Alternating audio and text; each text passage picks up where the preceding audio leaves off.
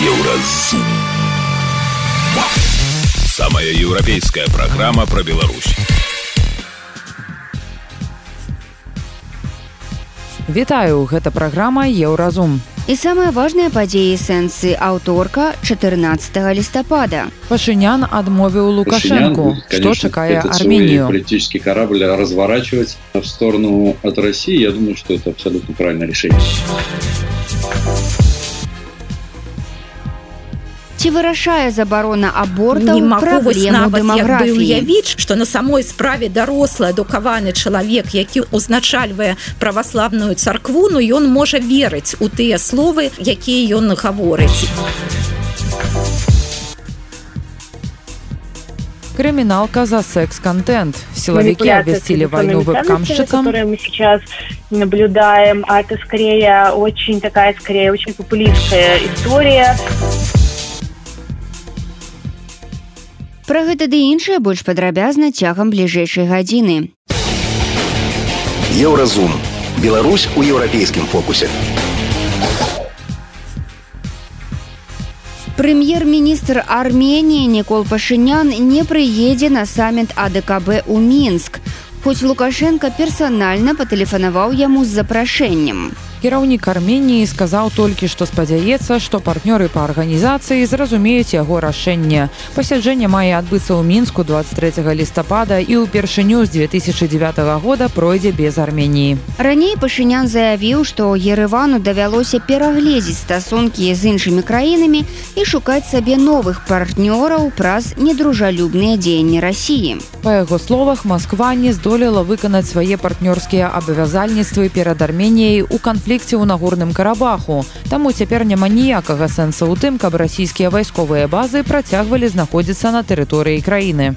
Пра тое, ці можа Ерыван патрабаваць вываду расійскіх міратворцаў з Арменіі, выданне настоящее время пагутарыла з палітолагам Пашинян, Русланом как бы к нему не Айсиным. относились, человек-то опытный и понимающий. Поэтому он вбрасывает э, для начала в экспертное э, пространство, э, затем в общественное поле. Ну и дальше, я думаю, что начнутся уже конкретные шаги по выдавливанию российского э, контингента с территории Армении, потому что действительно э, Россия потеряла статус э, партнера, друга и стратегического союзника Армении. Плюс ко всему Пашинян сейчас активно работает над э, укреплением отношений с э, другими, так сказать, заинтересантами, такими как Франция, такими как Соединенные Штаты, кстати говоря, и постепенно э, в сторону отталкивается Иран. И поэтому Россия здесь, естественно, третий лишний получается, потому как изначально Россия выступала гарантом ее, ну, скажем так, военного и политического бытия. Но после конфликта с Азербайджаном стало понятно, что э, Россия не является защитником Армении. Плюс ко всему, Пашинян изначально был ориентирован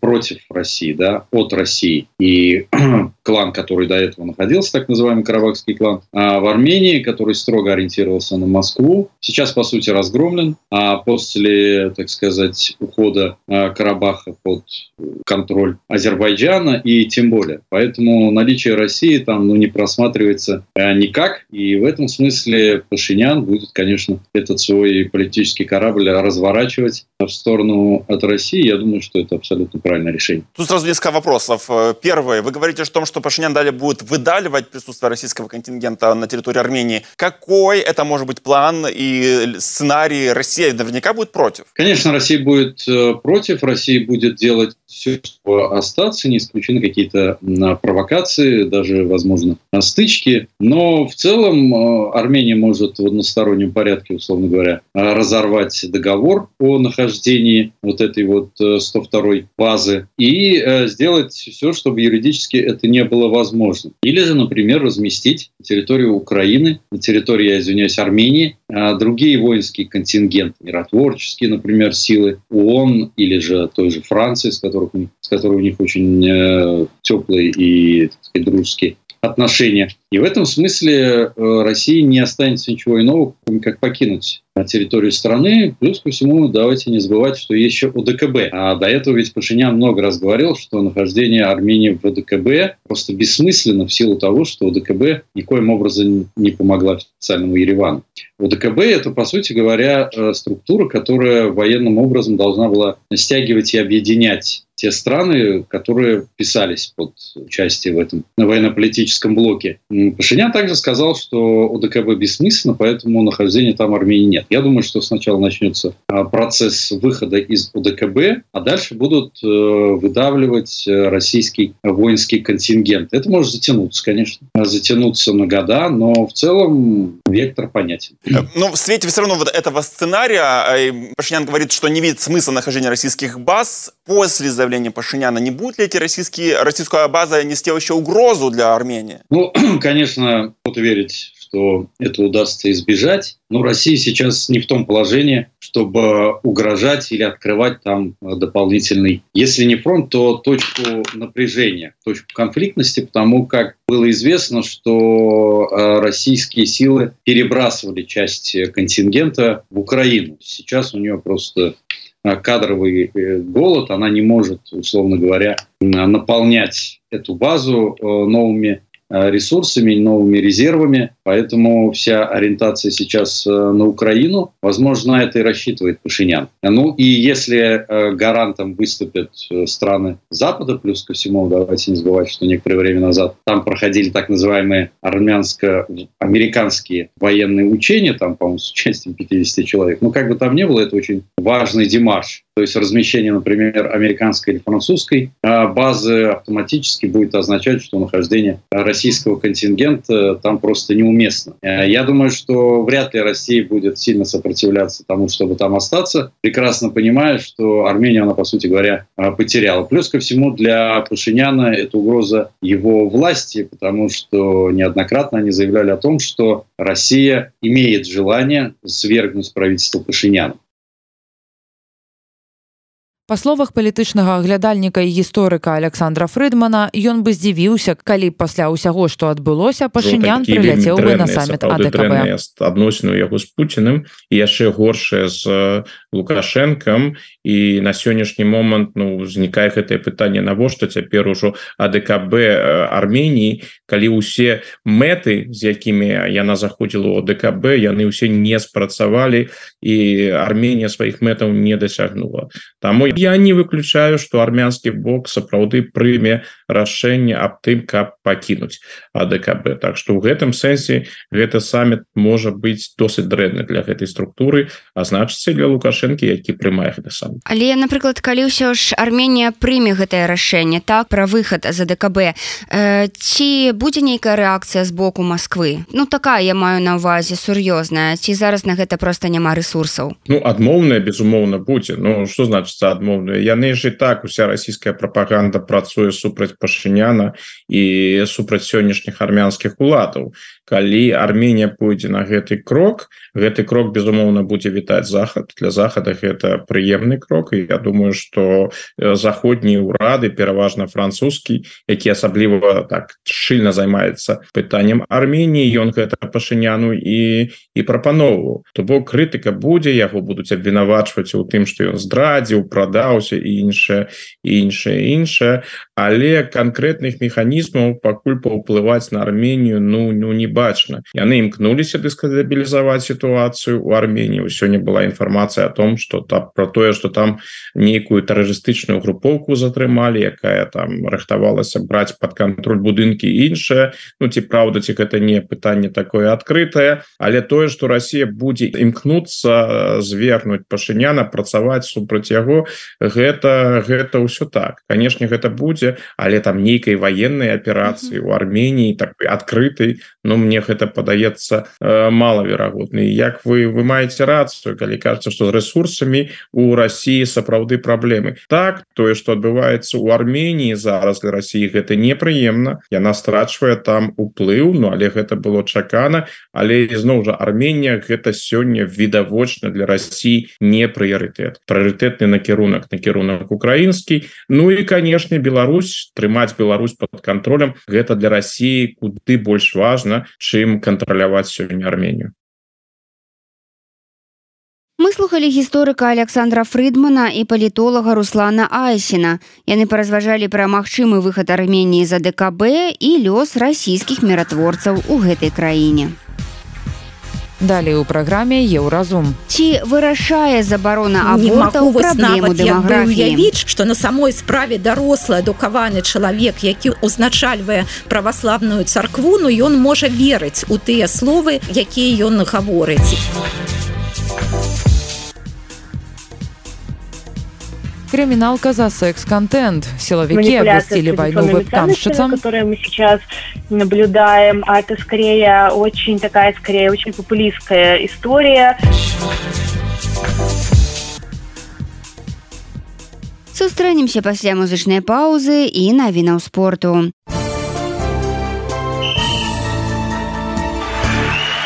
На еўрарадыё навіны спорту. Беларуская федэрацыя футбола прызнала мінскага дынамаўца ўладзіслава марозова найлепшым гульцом 28 тура футбольнага чэмпіянату беларусі. У пераможным хатнім паядынку з футбалістамі смаргоні бомбардзір забіў два мячы і аддаў галявы пас. У выніку дынамаўцы атрымалі буйную перамогу з лікам 70 на рахунку марозова цяпер 15 забітых мячоў. Ён на два галы апярэджвае паула савіцкага з гродзенскага нюмана ў спісе найлепшых бомбардзіраў нацыянальнага чэмпіянату польская тенісістка іга свёнтак. Першая ракетка свету перавяла значную суму для ўкраіны ў фонд юнайтед 24 як распавяла украінская тенісістка Эліна світолі на гэтыя грошы ўдалося арганізаваць дзіцячыя летнікі па яе словах свёнтак вельмі актыўна падтрымлівае украіны гучна гаворыць пра яе трагедыю мінулым летам яна зладзіла ў кракаве дабрачынную акцыю сродкі ад якой былі накіраваныя ва ўкраіну людзям якія маюць у гэтым патрэбу беларуская біятланістка Ганна сола патлумачыла чаму удзельнічаю расійскай лізе клубнага біятлона. Па словах спартоўкі ёй хочацца заваяваць прыз мільён расійскіх рублёў. Гэтую лігу заснавалі рэгіянальны клуб біятлона маскоўскай вобласці і беларускі клуб біятлона. Яе асноўная мэта правесці спаборніцтва альтэрнатыўныя міжнароднаму саюзу біятланістаў. Удзел у гэтых турнірах прымуць спартоўцы з беларусі і рассіі ідэя турніру ўзнікла пасля таго як беларускіх і расійскіх спартоўцаў адхілілі ад міжнародных стартаў у сувязі сувязі з вайной ва ўкраіне. Гэта былі навіны спорту на еўрарадыё, заставайцеся з намі.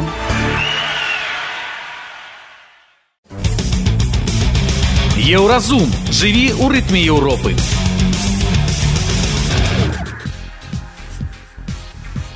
У рассіі хочуць забараніць аборты ў прыватных клініках. Такой ініцыятывай у дзярждуму звярнуўся патрыярх Кірыл. Ён называе сваю ідэю барацьбой за народазберажэння. Прычым патрыярх прапаноўвае, каб адпаведны законапраект распрацоўваў не камітэт аб ахове здароўя, а камітэт дзяржбяспекі. Як вынік прыватныя клінікі ў рассіі ўжо адмаўляюцца ад правядзення перарывання цяжарнасці, нібыта добраахвотна. У рассіі, як і ў Беларусі востра стаіць дэмаграфічная праблема. І вось кіраўнік РПЦ лічыць, што мусіць быць закон аб забароне прымуса да аборту. Маўляў, дактары па розных прычынах, у тым ліку камерцыйных нібыта прымушаюць жанчын рабіць аборты больш затое у рускай праваслаўнай царкве лічаць што праводзіць аборт можна толькі са згоды мужа пасля адпаведнай кансультацыі і дэманстрацыі яму біцця сэрца дзіцяці на угд і заклікаюць скараціць дапушчальны тэрмін для перарывання цяжарнасці з 12 до 8 тыдняў. Ну то бок жанчына не можа сама вырашыць ці патрэбная ёй дзіцяці не За ўсім паводле царкоўных служак і некаторых чыноўнікаў мусіць стаяць калі не муж, то царква альбо дзяржава. Усю гэтую гісторыю і пра тое, ці прыйдзе расійскае ноу-хау у Беларусь, наш галоўны рэдактор Павел Свярдлоў абмеркаваў з гендернай даследчыцай прафесаркай Ірынай Сідорскай патрыарха Кірыла пра тое, што аказваецца насельніцтва можна павялічыць проста як рухам чароўнай палачкі Ну тут дазволю сабе такі крыху некарэктны жарт. Гэта не тая чароўная палачка про якую вы маглі б падумаць. Пра што кажа расійскі патрыярх кіраўнік рпц мы і паговорым таксама сёння Ірына владимировна з чаго пачнем з патрыярха Ну давайте пачнем з патрыярха але адразу скажам что не трэба думаць что гэтак ну датычыць толькі так, так, да? что mm. гэта вельмі на жаль блізка до нас і не толькі таму что вось беларуская праваславная царква яна таксама уваходзіць у гэты маскоўскі патрыархат гэта значыць что і вось беларускі свяшчэннікі зараз таксама пачнуць гаварыць сваім вернікам і верніцам тое ж самае бо для іх іх ну як бы галоўны начальнік менавіта вось маскоўскі патрыярх. Але гэта датычыць не толькі вернікаў бо гэта таксама ідэі рускага свету які зараз беларуская прапаганда таксама так вельмі як бы бярэ на узбраенне да? для сябе. І, так, і я баюся что тое что вось гаворыць у данным выпадку патрыярх кирилл таксама хутка будуць гаварыць і беларускія дзеячы і не толькі царкоўныя. Ну і тут можна ўспомніць тое што гаворыць Наталья качанова. Гэта гэта у тым жа самым рэчышчы ўсё ідзе. Ну мы працягваем інтрыгаваць дагэтуль. Мы так. не кажам як жа патрыярх збіраецца подвышаць ну увогуле дарэчы я калі чую слова насельніцтва я канешне і сам яго часам прамаўляю uh -huh. да але мне нашмат больш падабаецца слова жыхары грамадзяне выбаршчыкі. Да ну і гэтак далей у залежнасці ад кантэкста да. Калі я чую насельніцтва гэта нешта са свету статыстыкі сухой такой да і вось да гэта аб'ект ізноў жа да, да вось ресурсная база так, насельніцтва так, так. да. І павялічыць насельніцтва гэта для мяне як быццам бы размова ідзе пра там ну умоўна кароўнік так. да і вось мы пагалоўе да так, вот так. Э, як жа гэта нам павялічыць пагалоўе? Аказацца можна рухам чырвонай палачкі. І кирилл мае на увазе пабам сюрпрыз забарону аборту. Ну вось по что тут сказать О, тут вельмі шмат можна чаго сказаць і мне здаецца что вось чым больш журналісты чым больш меды будуць про гэта гаварыць тым менш а, той жа патрыярх будзе ну вось маніпуляваць так грамадскай думкай. Бо яго словы прагучалі Ну а зараз трэба каб спецыялісты каб эксперты ну расказалі что гэта ўсё зусім не так. Ну па-першае так згодная с вами что вось калі гавораць про насельніцтва гэта такі выключна ресурсны падыход да людзей. То есть вось люди гэта не тыя ну кому павінна быць добра жыць у, дзяржаве а гэта тыя хто вінен дзяржаве кто штосьці павінен рабіць для гэтай дзяржавы. Вось такі на самой справе ресурсны падыход. ну, напрыклад павялічваць сваю колькасць. Так вот. так. А то дзяржаве з такой колькасцю насельніцтва некомфортна. Да, да ну безумоўна Россия ж ваюе і ёй ну на жаль патрэбна вось гэтае пушачнае мясо мяса Ну мне здаецца вось тут гэтыя словы да тэмы. І вось менавіта так чалавечае жыццё зараз у Росіі ацэньваецца. Ну нават у мірны час. Росія здаравенная краіна і ну, там по шчыльнасць жыхароў узровень алкагалізму да. людзі мрут як як мухі гэта таксама ёсць просто шмат рэгіёнаў дзе вельмі мала жыве людзей так, урэшце так. рэшт да ну, трэба... да. вялікая ну... краіна і і ўсё ж хоча хочуць новыя землі для сябе но канешне гэтыя землі вось хочуць кімсьці засяляць. А по-другое вось калі хтосьці гаворыць что ведае ну вось так ведае такое чароўнае чароўны сродак які вось по руху чароўнай палачки ўсё выправіць но мне таксама гэта адразу становіцца зразумела что гэта папулізм. Бо мы живвем у складаным свеце і на жаль вось простых рашэнняў ну не існуе існуе і вось зараз калі вось напрыклад вы мяне спытаеце А что трэба рабіць каб павысіць нараджальнасць то гэта ну будзе цэлы комплекс того что на самой справе трэба зрабіць. Бо яшчэ раз ніякіх чароўных сродкаў зараз не існуе. І калі гэта гаворыць патрыярк Ну гэта ж як бы ну зразумела і адукаваны чалавек і дасведчаны і ўсё ж таки ну я ну ну спадзяюся.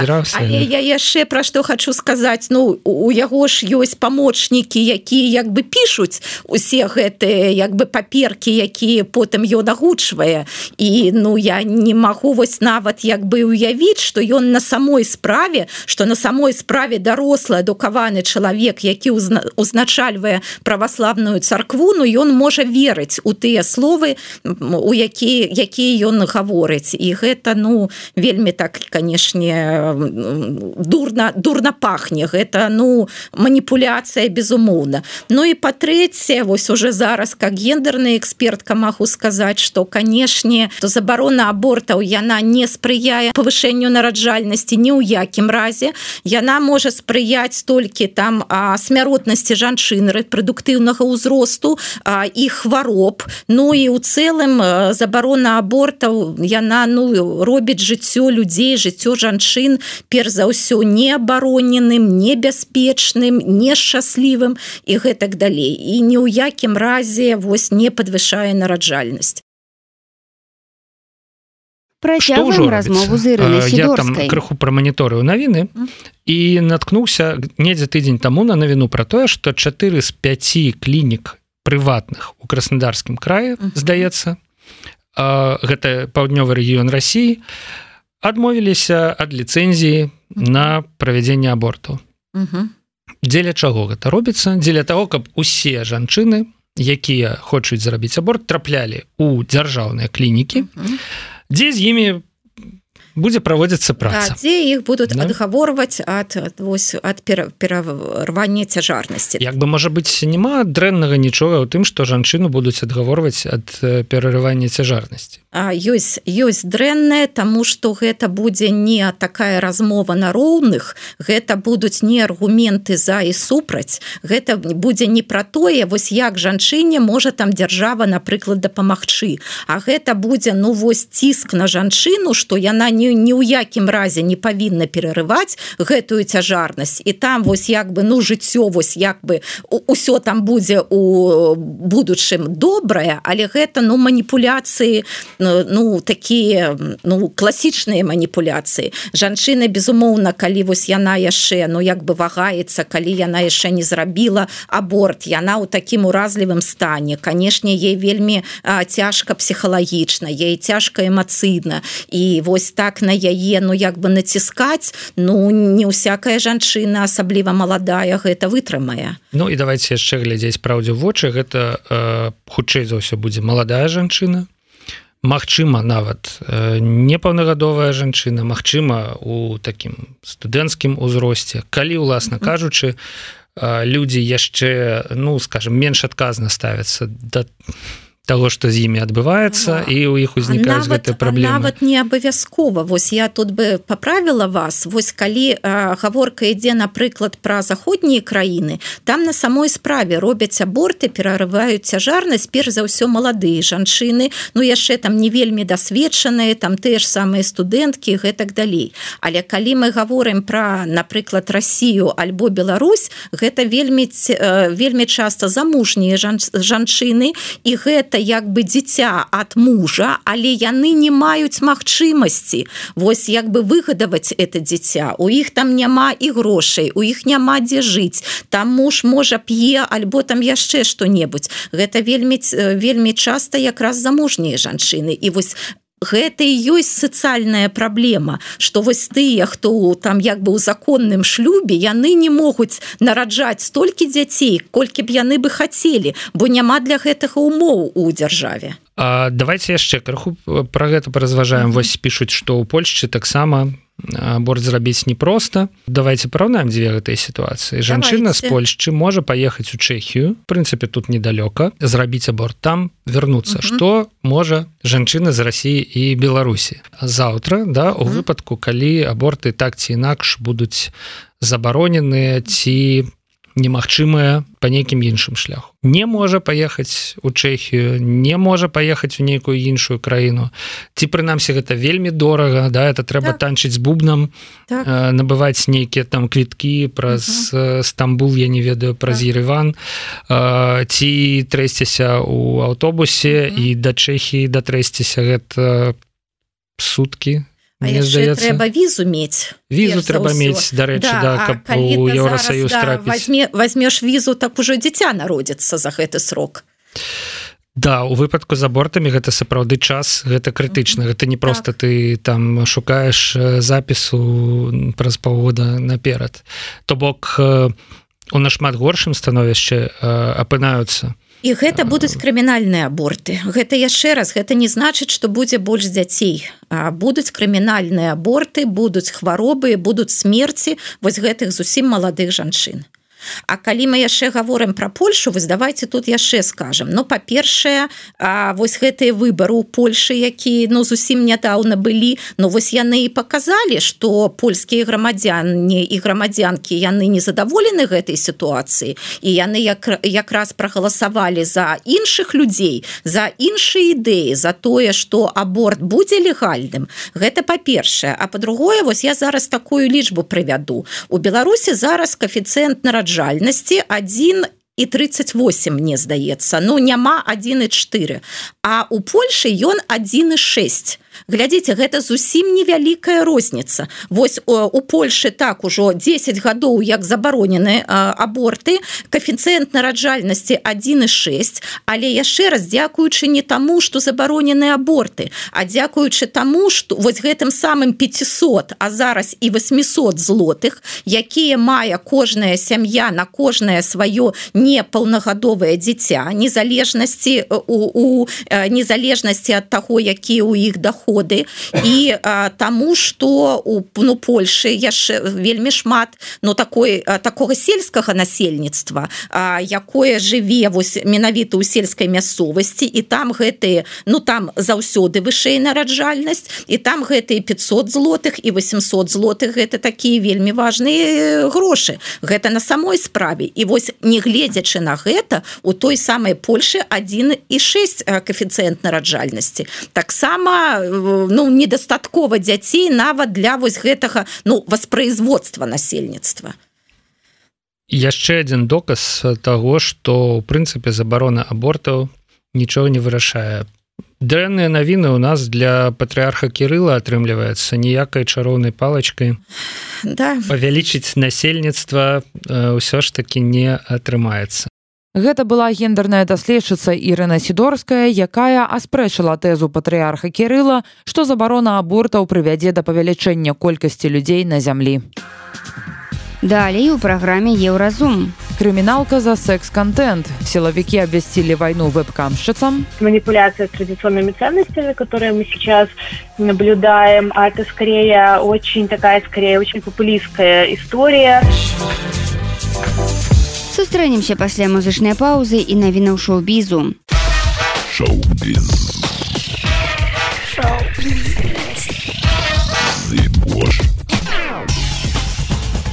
Вітаю гэта навіны шоу-бізу У пятай частцы мсціўцаў акцэнт будзе зроблены на іншых персанажах. Праблемы з законам у акцёра Джонатана Мейджерса прымусілі кіраўніцтва студыі Марвел перагледзець свае планы па развіцці кінаўселеннай і адмовіцца ад акцэнту на гісторыі канга-заваёўніка ў пятай і шостай частках мсціўцаў. Пра гэта сведчыць шэраг прыкмет у тым ліку той факт, што сцэнарыст Джеф Лаунас, які працаваў над экранізацыяй коміксаў чалавек мурашка і аса квантаманія, у якой і быў прадстаўлены персанаж канг-заваёўніка заваёўнік больш не супрацоўнічае з марвел. Sony Pictures прадставіла першы трэйлер перазапуску гарфілд заўважыла фіша дэйлі мяркуючы па відэа мультфільм раскажа пра гісторыю знаёмства рудага кота і чалавека па імені Джон. Першая сустрэча гаспадара і маленькага гарфілда адбываецца каля кафе куды Джон упускае мілая кацяня. Свой голас гарфілду аддаў крыс прата а бацьку рудага кота агучыў самуэль Джексон спявачка рыяна нечакана змяніла імідж. Зорка перафарбавалася ў нязвыклы для сябе колер што збянтэжыла шматлікіх карыстачоў садсетак. Рыяна перафарбавалася адзін з самых модных адценняў афарбоўвання восені 2023 мядовы блонд чым збянтэжыла шматлікіх прыхільнікаў. Про гэта кажуць каментары пад здымкамі папарацы зробленымі ў мінулыя выходныя ў галівудзе але самыя даныя прыхільнікі зоркі прыйшлі ў захапленне такіх зменаў і яшчэ раз пераканаліся тры рыхтуецца да новай эры. Нездарма ў заходніх сМ з'явіліся чуткі пра яе феерычнае вяртанне на сцэну а таксама пра выхад двух новых альбомаў. Гэта былі навіны шоу-бізу. Заставайцеся на хвалях еўрарадыё. Еўрарадыё кропка фм Нядаўна на дзяўчыну з бераставіцы завялі крымінальную справу за выраб і распаўсюд парнаграфічных матэрыялаў. Гаворка ідзе пра 24гадовую мадэль онліфанс Лолі Белла. OnlyFans гэта онлайн-платформа, створаная ў 2016 годзе з фокусам на контент для дарослых. Дзяўчаты ствараюць там аккаунт, загружаюць свае ўласныя часам інтымныя фота і бяруць грошы за іх прагляд. Аднак беларускія следчыя запэўніваюць, што Лолі арганізавала ва ўласнай кватэры цэлую порнастудыю. Здымала сябе як дома, так і за мяжой, пасля чаго выкладала інтымны контент у інтэрнэт. Па інфармацыі следчых доступ да фота і відэа беларускі каштаваў ад 5 до 100 долараў. Усяго за пару гадоў дзяўчына змагла зарабіць каля 70 тысяч долараў.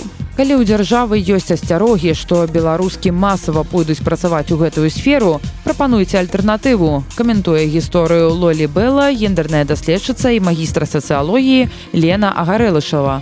А што нядрэнны заробак нехта падумае. Тым больш, што ў цывілізаваных краінах зарабляць такім чынам нікому не забаронена. Але мы жывем у Беларусі. Дык што ж пагражае за такую дзейнасць? Разбіраемся ў нашым рэпартажы. У інтэрв'ю youtube каналу лен тв 24 лолі расказвае што з 2020 года наогул не жыве ў беларусі. І ніякага прамгулага контенту яна не вырабляла што не здымае некаторых пытанняў. Ці можна назваць парнастудыі кватэру дзе дзяўчаты здымаюць сябе самі? Ці ўплывае гэта на ступень адказнасці і навошта сілавікі выправіліся ў рэйд на onlyfans? На гэтае ды іншае пытанне еўрарадыё адказвае адвакатка пазбаўленая права на прафесію ў беларусі аркадія імя змененае дзеля бяспекі. Крымінальны кодекс не ўтрымлівае такога панятку як порнастудыя акрамя таго выраб парнаграфічных матэрыялаў на порнастудыі не з'яўляецца акалічнасцю якая абцяжарвае адказнасць. Аднак усе абставіны справы павінны улічвацца пры прыцягненні асобы да адказнасці. Хутчэй частае указанне аператыўных супрацоўнікаў на порнастудыю выкліканае жаданнем перабольшыць цяжар злачынства. Іншае пытанне ці павінен быць такі артыкул у крымінальным кодексе наогул калі гаворка ідзе пра парнаграфічныя матэрыялы з выявай або удзелам непаўнагадовых то так такі склад павінен быць. Што тычыцца дарослых асоб якія знаходзяцца ў свядомым стане і добраахвотна бяруць удзел у вырабе і распаўсюджанні такіх матэрыялаў. На спецыяльных сайтах без залучэння ў адалт індустрыю непаўнагадовых адказ будзе залежыць ад узроўню свабоды якая ёсць у грамадстве і ад ступені адказнасці кожнага чалавека. Гэта ад вечнае пытанне суадносін правоў асобы і жадання дзяржавы лезці ў прыватнае жыццё. Беларускі крымінальны закон дае адназначны адказ Што можа пагражаць беларусам за працу на онліфанс. Паводле слоў спецыялісткі дзейнасць такога роду цягне за сабой адказнасць прадугледжаную часткай другой артыкула 343 крымінальнага кодекса. Выраб з мэтай распаўсюджвання, распаўсюджванне, рэкламаванне і трансляцыя парнаграфічных матэрыялаў, учыненыя з карыслівых мэтаў з выкарыстаннем глобальнай камп'ютарнай сеткі інтэрнэт або мабільных тэлефонаў. Пры гэтым спецыяльная камісія павінна даказаць, што контент сапраўды з'яўляецца парнаграфічным. Артыкул прадугледжвае пазбаўленне волі ад двух да чатырох гадоў. Раней такія справы часта праходзілі без рэальнага адбыцця пакарання. У залежнасці ад сітуацыі на парушальніка могуць павесіць яшчэ і незаконную прадпрымальніцкую дзейнасць, якая пацягнула звыш прыбытак. Па сэнсе гэта неправільна. Няма закона, які прадугледжвае падаткі за выраб ці распаўсюд хай нават і парнаграфічных матэрыялаў. Ці можна казаць, што ў Беларусі пачалося паляванне на веб-камшчыц і калі так, то чаму гэта адбываецца толькі цяпер. Паводле адвакаткі спакон вякоў у сілавікоў ёсць планы раскрываць справы па тым ці іншым родзе злачынстваў. Шукаць тых, хто распаўсюджвае парнаграфію ў інтэрнэце не цяжка, улічваючы колькасць тэматычных груп і сайтаў з інтымным контентам. Ці можна казаць пра нейкую тэндэнцыю ў гэтай сферы сказаць складана бо спецыяльных даследаванняў на гэтую тэму не ладзіцца працягвае тэму гендерная даследчыца магістр сацыялогіі Лена Агарылышева. Эта технология развивается, и по мере развития технологии э, женщины, ну, в основном женщины, но и мужчины в том числе, э, пользуются подобным методом для того, чтобы заработать денег. То есть в этом плане нет какой-то особенной исключительности, что э, нам сложно, совершенно точно сложно сказать, что вот за последний год сильно выросли белорусские, да, э, именно производство контента белорусок или э, контента из Беларуси. То есть очевидно, что тут сложно это все замерить. Другой вопрос, э, почему, ну то есть э, почему раньше меньше было, то есть я думаю, что здесь, э, как показывает практика, в принципе, нашей э, э, структуры правоохранительные органы, э, им тяжело вообще поспевать за э, технологическими какими-то новшествами, и в этом плане тут скорее скорее они, может быть, э, освоили эту технологию или сейчас проверяет, каким образом э, можно, в принципе, э, как бы, скажем, под как, какое нарушение уголовного или административного кодекса это э, подпадает, и вот сейчас, возможно, будет серия э, подобных кейсов или всего один кейс. Тут, собственно, мы можем смотреть, как э, идет дальше э, ситуация. Если говорить по поводу того, ну, то есть мне бы, честно говоря, я бы не связывала это напрямую, что это какой-то крестовый поход за своими традиционных ценностей. В этом плане, э, мне кажется, что, в принципе, вот эта вот манипуляция традиционными ценностями, которые мы сейчас наблюдаем, а это скорее очень такая, скорее очень популистская история, э, потому что, опять же, низкая экономическая, э, как бы, в принципе, очень много экономических проблем, как отмечает большинство замеров, э, население неуклонно беднеет, и в этом плане, ну, то есть, например, то, что э, сейчас э, те же самые белорусские рождают, рожают меньше детей, то есть это скорее в большинстве своем экономический и политический фактор, но в пропаганде нужно создать какого-то общего врага в виде жестокого Запада, который там принуждает белорусок не рожать детей, например, или вот эти все западные ценности, из-за которых, собственно, у нас население, количество населения падает. Хотя на самом деле это скорее в основном экономические и политические причины, в том числе высокий процент эмиграции населения. Беларускам, да и не только беларускам, у якіх не хапае адукацыі ці працоўнага досведу, цяжка знайсці нармальную працу. На думку суразмоўніцы, калі б было больш прапаноў для такіх дзяўчат, можа быць і ахвочых падзарабіць на OnlyFans зарабілася б менш. Предложить альтернативу. Другой вариант это, ну, то есть и не другой вариант, в принципе, потенциально это может идти параллельно про каким-то образом узаконить эту сферу и, соответственно, создать. То есть, условно, какие есть варианты для того, чтобы, э, если трактовать это как экономическую деятельность, то каким образом э, прописать это в экономических кодексах, чтобы это из какой-то серой зоны э, вошло в какой-то э, законный, э, как бы в, поле законов, например. Хотя, опять же, говорить о законах применительно к Беларуси сейчас тоже достаточно странно. Здесь, если мы говорим, в принципе, про сферу OnlyFans, есть достаточно известный лозунг о том, что мое тело, мое дело.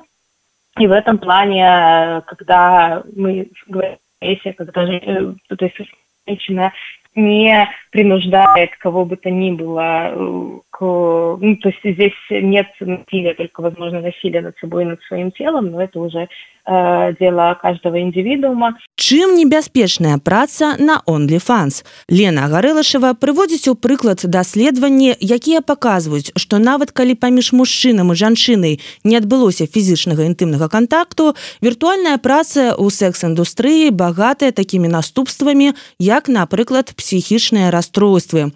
Так ці інакш ты прадаеш сваё цела аўдыторыі, якая хай нават невербальна з ім нешта робіць.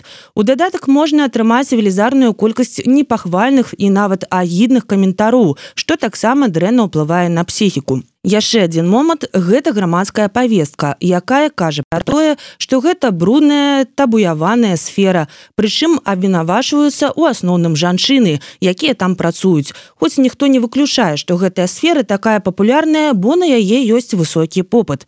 А вось мужчыны якія спажываюць гэтыя паслугі або арганізоўваюць вакол гэтага бізнес мы не вінавацім. Ва ўсім чамусьці вінаватыя жанчыны Да ўсяго іншага жанчыны, якія працуюць у секс-індустрыі ананімна, пастаянна баяцца, што іх раскрыюць і пачнуць буліць.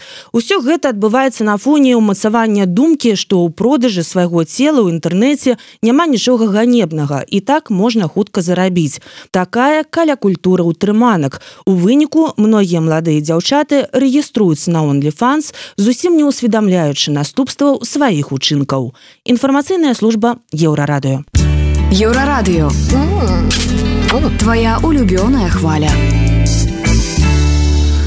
Гэта была праграма Еўразум, штодзённы інфармацыйны падкаст еўрарадыё. Кожны дзень мы распавядаем пра галоўныя навіны Беларусі і свету. А сённяшні выпуск скончаны. Беражыце сябе. Пачуемся. Еўразум.